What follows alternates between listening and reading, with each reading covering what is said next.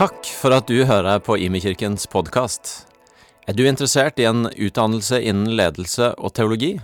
Gå gjerne inn på hlt.no slash stavanger og finn ut mer om heltids- eller deltidsstudier. Thank you, Martin, and uh, thank you, Imi Church. Every time I'm, uh, I've been here, actually second time, I feel like I, I, I am home, and I'm so happy for your warm welcome. Uh, I know Imi um, I, when I first met Chatan. It might be six years ago, right? Yeah, he visited us in Bangkok, and uh, I'm so impressed by this Norwegian. Uh, you are so lovely, so kind, so friendly. So I would like to know more about Norwegian people. I do more research.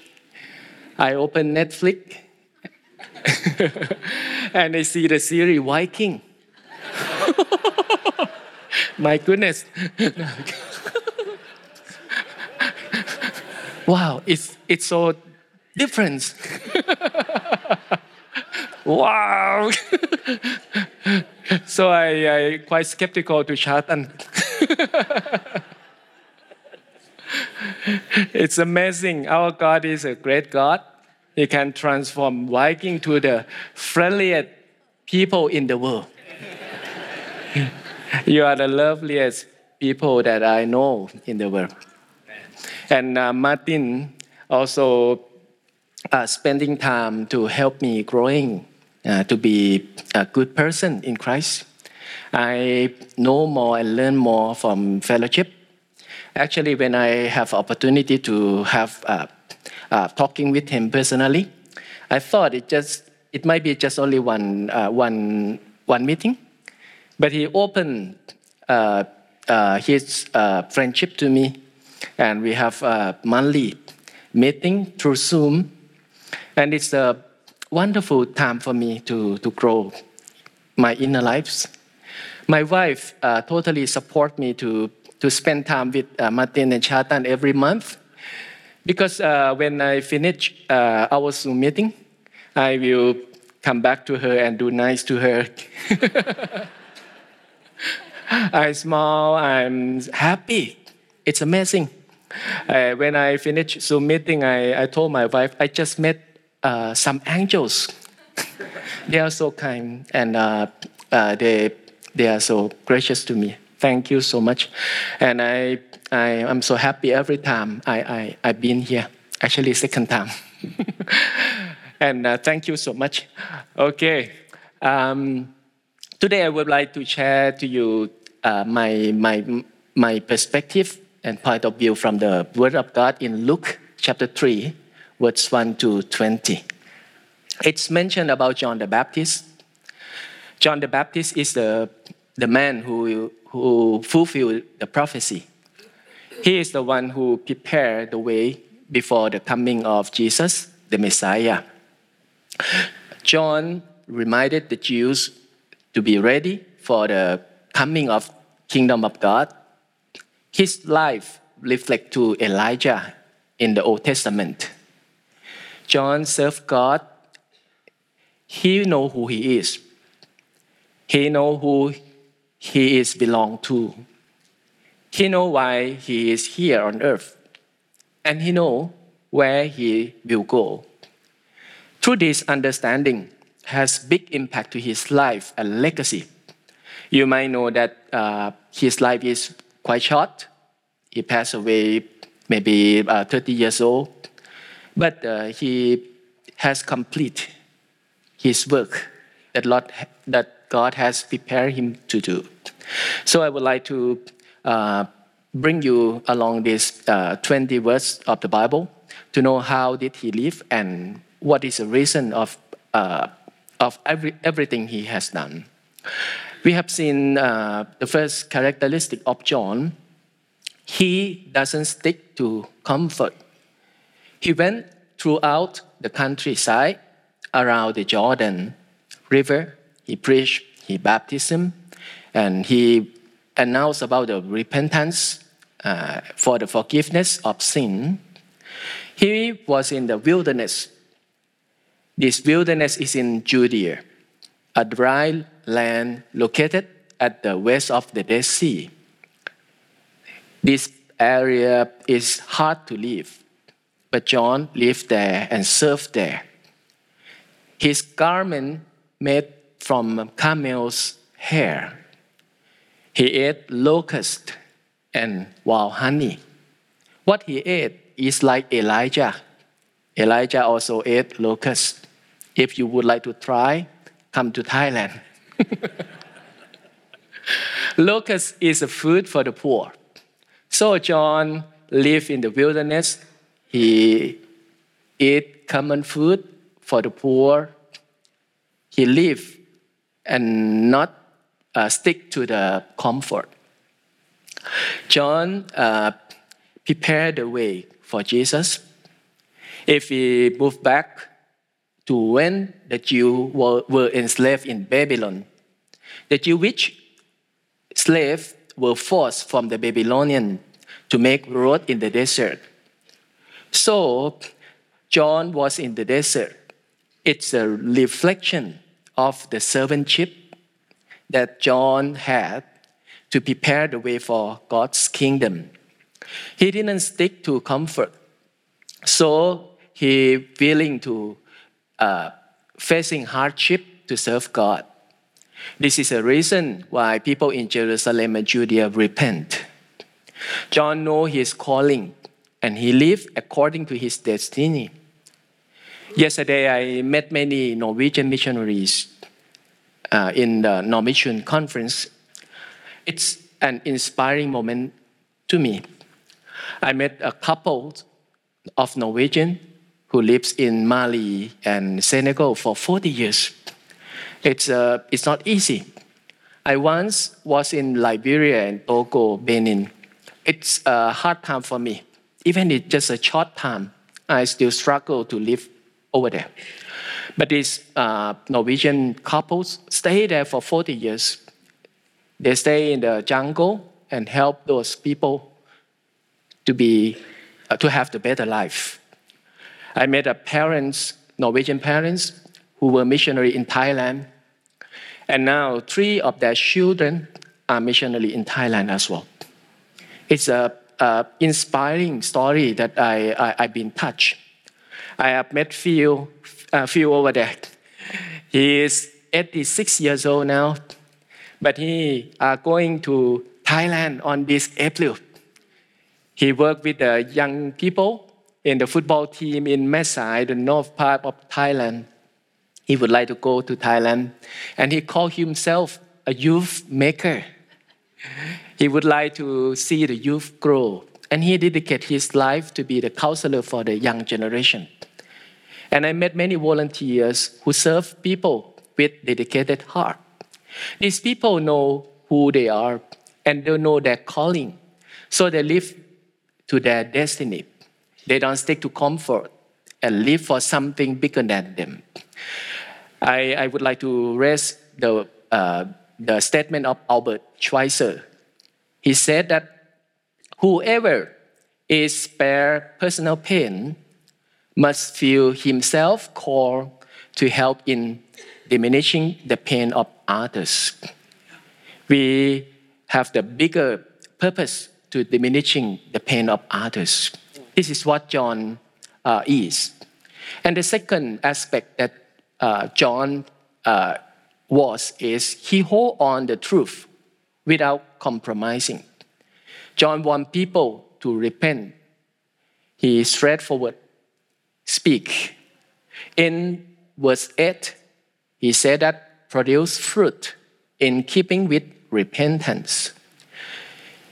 Do not begin to say to yourself, We have Abraham as our father.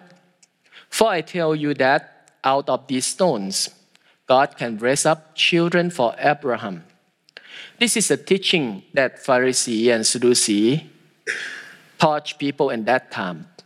They believed that they could enter the kingdom of heaven because they were descendants of Abraham by blood. But John said no. He disagreed with the teaching of the influential people. At that time, Pharisees, Sadducees were the influential group in the society. But John speak in the opposite way with these people. He said, No, people need to repent only to entering the kingdom of heaven. In verse 10, he challenged people to give generously. He told people to share their possession to people. He said that if you have two shirts, give one to another.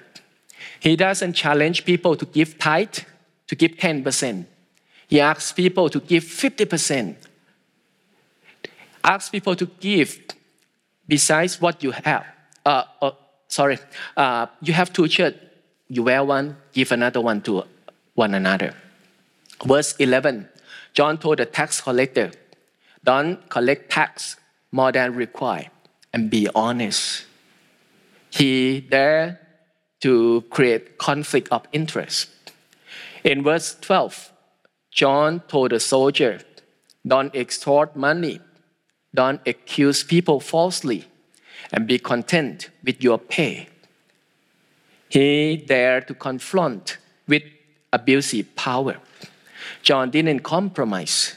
That is the characteristic of the one who know who they are, who they are belong to. They will need to see a living testimony before listening to a verbal testimony. Our life is the first Bible that non-believer can read. So this is a second characteristic, uh, characteristic of John. He hold on the truth without compromise. And the third characteristic of, his, of, of him is proclaiming the coming of Christ. John proclaimed the coming of Christ. He exhorted the, the people and proclaimed the good news to people. This is his life purpose. Even he, didn't, uh, he didn't live long, but his mission to prepare the way of Messiah was completely done. Anybody who know the purpose of life will live on the straight path. They will walk and uh, follow the purpose of life. So uh, John's life is the good example for us as believer. Regardless uh, of job you do or the status you have, you can share the story of God to people around you. I I am I am checking about the statistic about the um, uh, citizen in, in Thailand and the uh, the death rate in Thailand, and I discovered that every year, Thai people uh, has passed away for uh, uh, about uh, 550 thousand people every year. It means that uh, uh 10% of uh, Norwegian population. Yeah, yeah. Thai people pass away without knowing God 550,000 people every year. They never know Christ. I'm using this statistic uh, to inspire me. It's not to pressure me, to condemn me, but it inspired me to remind myself that every minute of life is worth. Every minute, every one hour, there gonna be uh, every one minute, there gonna be one Thai people pass away without knowing God. So every minute of our life is worth. We cannot uh, help everyone. We have limitation, but uh, we can uh, try to utilize every minute of our lives uh, as best as we can. Um, this is three things that I discover from John's life through this passage.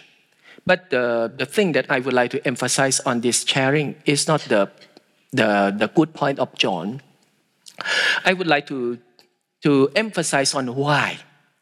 Why? Why John do many good things? Why he is so uh, hold on the truth? Why he's so strong? I would like to emphasize on why. The reason of devotion must be greater than the things that we have been have devoted. Right? The reason of devotion must be greater than the thing that we have devoted.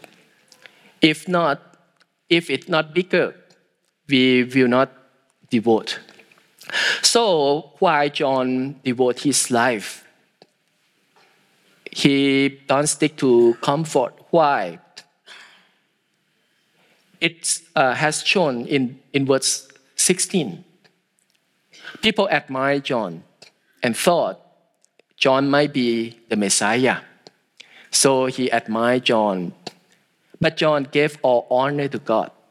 He said in verse 16 that I baptize you with water, but one who is more powerful than I will come, the straps of whose sandals I am not worthy to untie.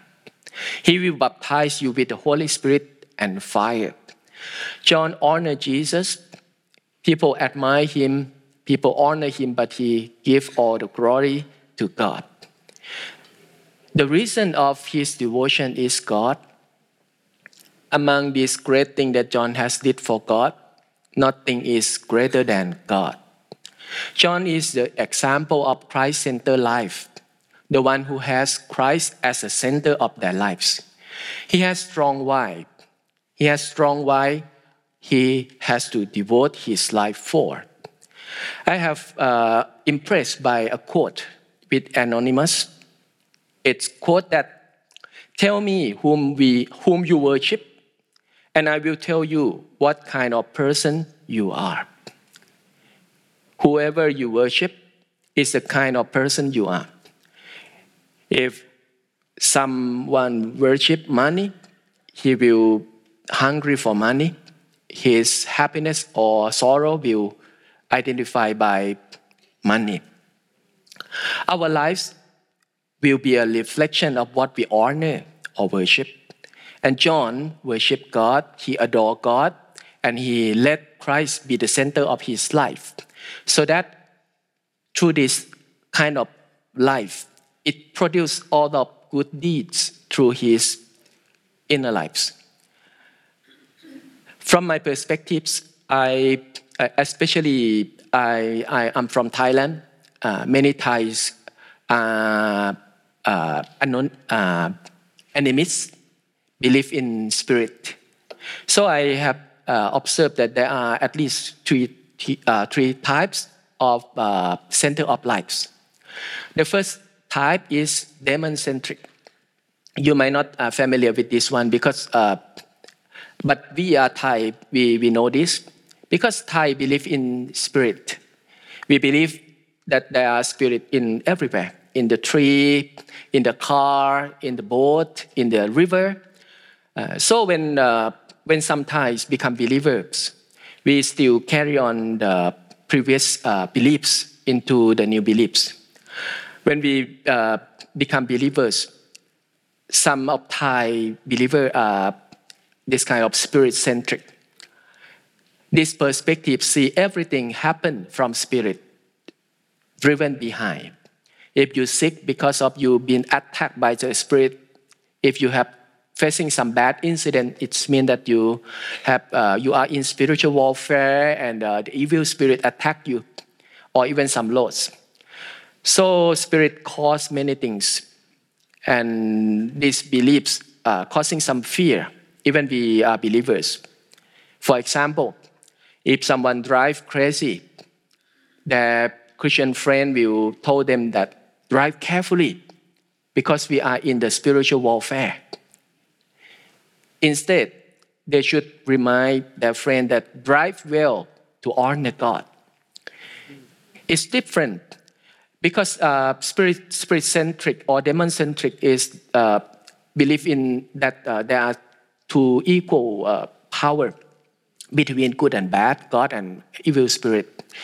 So it's drive uh, some Christian in Thailand or some Christian who are from the animists background uh, to have fear driven insight.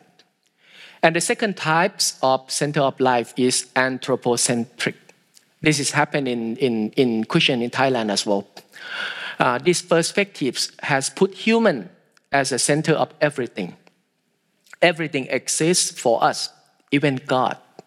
So some of Thai who become Christian, be, they come to be Christian because their friend uh, uh, told them that uh, coming to Christ, we receive a lot of blessing. We have seen miracle. We've been healed.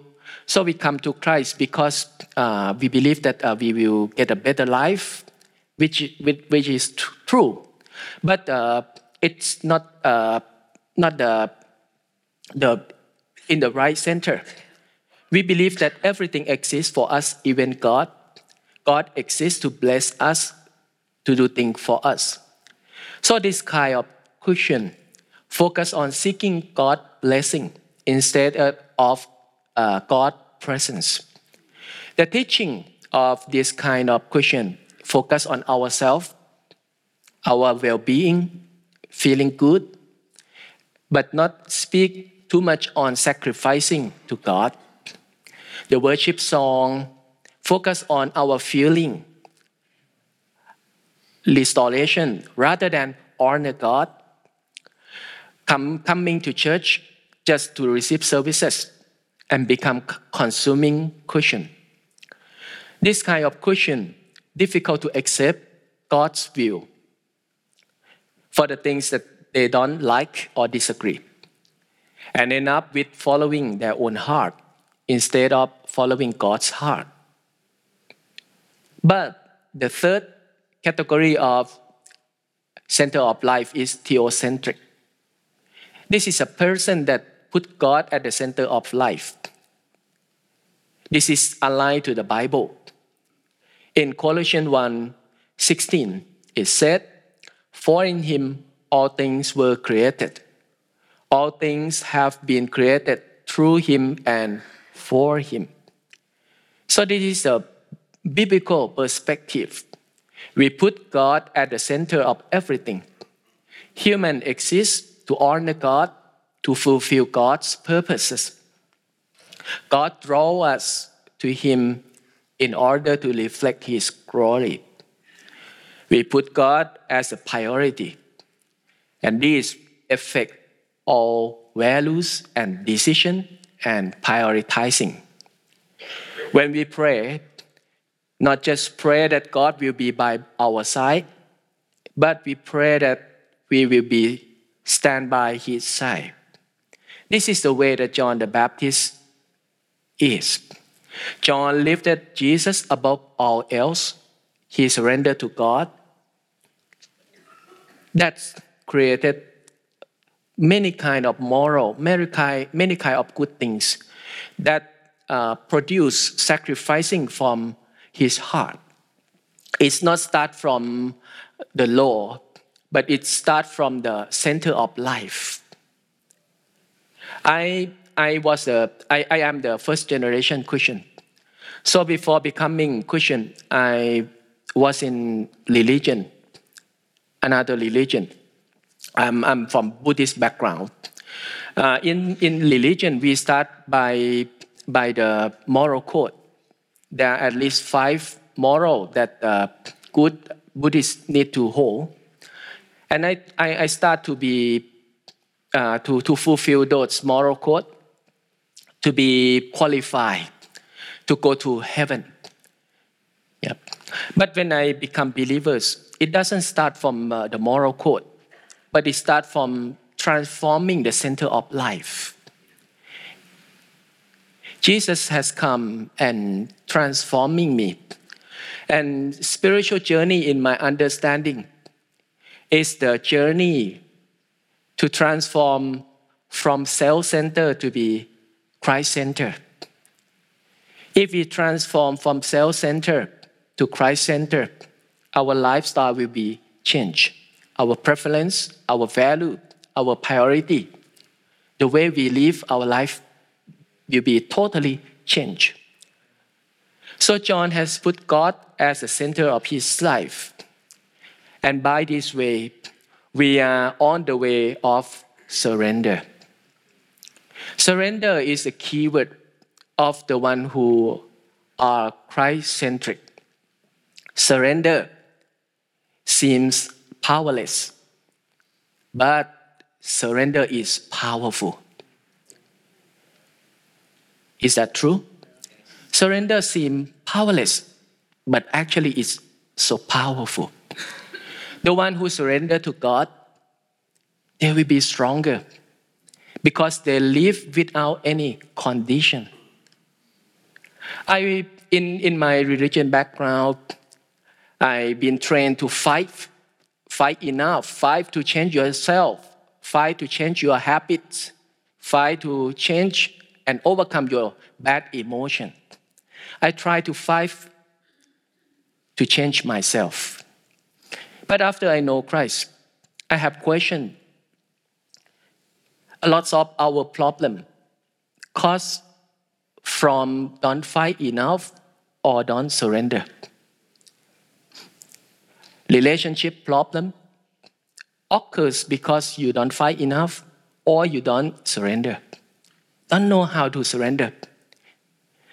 Bad behavior might be not because we don't fight enough, but we don't surrender. Our bad emotion, we cannot overcome it. Maybe not because we, we, we, we don't fight enough, but it might be because we are not surrender to let it go. We, we hold it and we try to overcome it by ourselves. I have a passion for the lost in Thailand. I aim high in the ministry, so I put a lot of effort. I work hard in the ministry, but when I receive small fruit, I feel discouraged. So I was discouraged in the ministry, and I would like to quit from ministry, ministry many times. Through years of my spiritual journey, God has touched me in my brokenness. I just discovered and realized myself that I have successful in ministry as the center of my life. I would like to see the ministry success. This doesn't mean I selfish. I don't want to prove myself. I just would like to see people get saved. But even these good things is not God want from me. It's God's work, but it's not God at the center of my life. It's my view, but God has higher plan for me. I observed Jeremiah, the prophet in the Bible. He didn't success in his ministry. People didn't listen to him. People reject him. But he pleased God. If we put successful in ministry at the center of our life, and be happy or sad because of it. We decided to quit or move on depending on it. It might be not the right thing. God pleased on Jeremiah because of his faithfulness to his calling. So I start to uh, uh, reprioritize my calling again. My first calling is not successful in ministry. It is to be with God. It's to let God be God. Let God be at the center of my life. Then I will be faithful to what God wants from me. God is the one who make the ministry, uh, the ministry grow later on.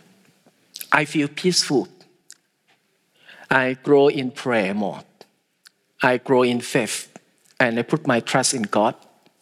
Faithfulness is the in the right things bring fruit in the due season. So if your center of life is something that can be taken away from you, that is risky. If your center of life is something that can be taken away from you, it's risky. Your center of life might be something good.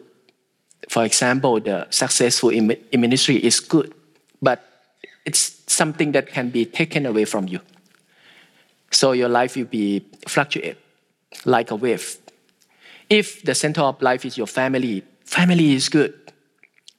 But everything can be taken away from you. So the only center of life must be God only. If the center of life is not God, finally you will be broken for sure because it can be taken away from you. And from my personal journey, in brokenness. It's a way for me to learn to become surrender to God. Surrender is a door for me to open for God to be the center of my lives. So that I've been renewed and recreated. When I become a believer, I, I become a committed Christian.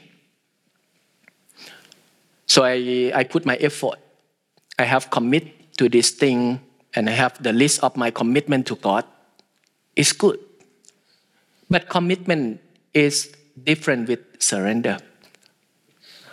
Commitment reflects our willpower to do something.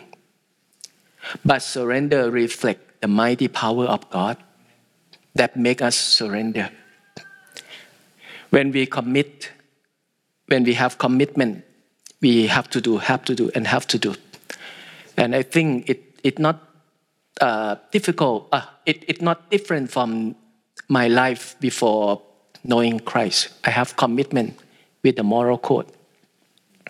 But after I know God, I I learned that it's not just commitment; it's to be fully surrendered to God. A life transformation is not by just commitment. Life transformation happens through fully surrender to God. Lots of problem is not because we don't fight enough, but because we don't surrender. There might be something that you fight inside of you, something that you fight with someone. You think you, you are right. Yes, you might win the argument, but you lose in relationship. Many husbands might know that sometimes if we win our argument with our wife every time, it might be a, a problem to the family. Sometimes we need to adjust to listen and then to overcome together.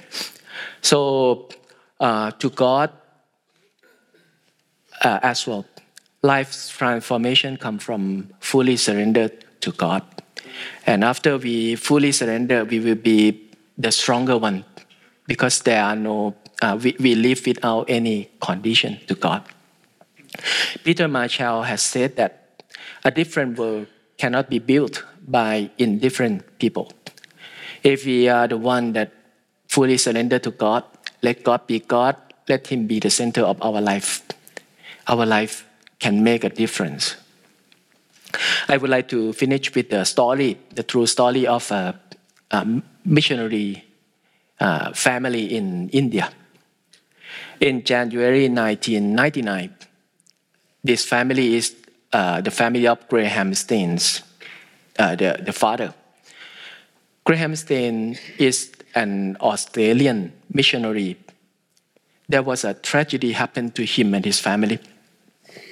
He was burned alive in his car with his two sons, six and 11 years old, by the persecutor. He was burned in India. His body was found in the early morning. He embraced his two sons in his arm. Three of them passed away. Graham has served God in Odisha forest in India for 34 years. He showed compassion and self sacrifice to the poor and needy in India. In his funeral, there wasn't only Christian that joined his funeral, but also Muslim Hindus came to express condolences to him. Even the Prime Minister of India condemned this cruel crime to his family. The Prime Minister showed respect to Graham and showed gratitude to Graham for blessing India. In the next day, the newspaper highlighted on the interview of Graham's wife and daughter. His wife confirmed that they, will, they would not return to Australia, but they would still continue their mission in India, where God had called them to. She said that my husband and our children devote themselves for India. This is our home, and I will continue working for the needy. The journalist interviewed 13 years old daughter. She said that, praise God who see that my father worth enough to die for him. Many Indian surprised and question why these people come from the rich country but come to India to serve the leprosy for 34 years. Why? Why Graham's wife and his daughters forgive those killers? Why they insist to live in India even though they lost many things? And they ask, who is this God who make these Christians stand firmly? That attract many people to open their heart for Jesus Christ. This is amazing story of this family. They put Jesus as the center of their life. So they are so strong. It's not because of our willpower. It's not because of our discipline but it's because our heart has Jesus seated on the throne. Amen. Let us put God at the center of our life so that we may see many people in the world being blessed to this, to this life. I would like to uh, ask everyone to bow down and pray.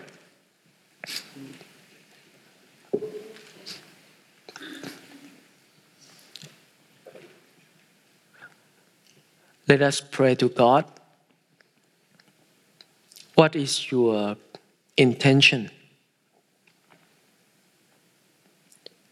And what is the desire that God desires from you? What God would like you to respond? And who is the center of your life?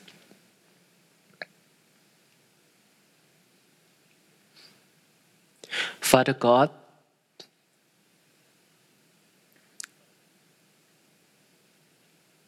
I would like to let God be God to my life. Sometimes I astray, sometimes I get lost. But God, this is a journey that I would like to let you seated on the throne in my lives. Lord, bring us, lead us. We would like to surrender to you wholeheartedly.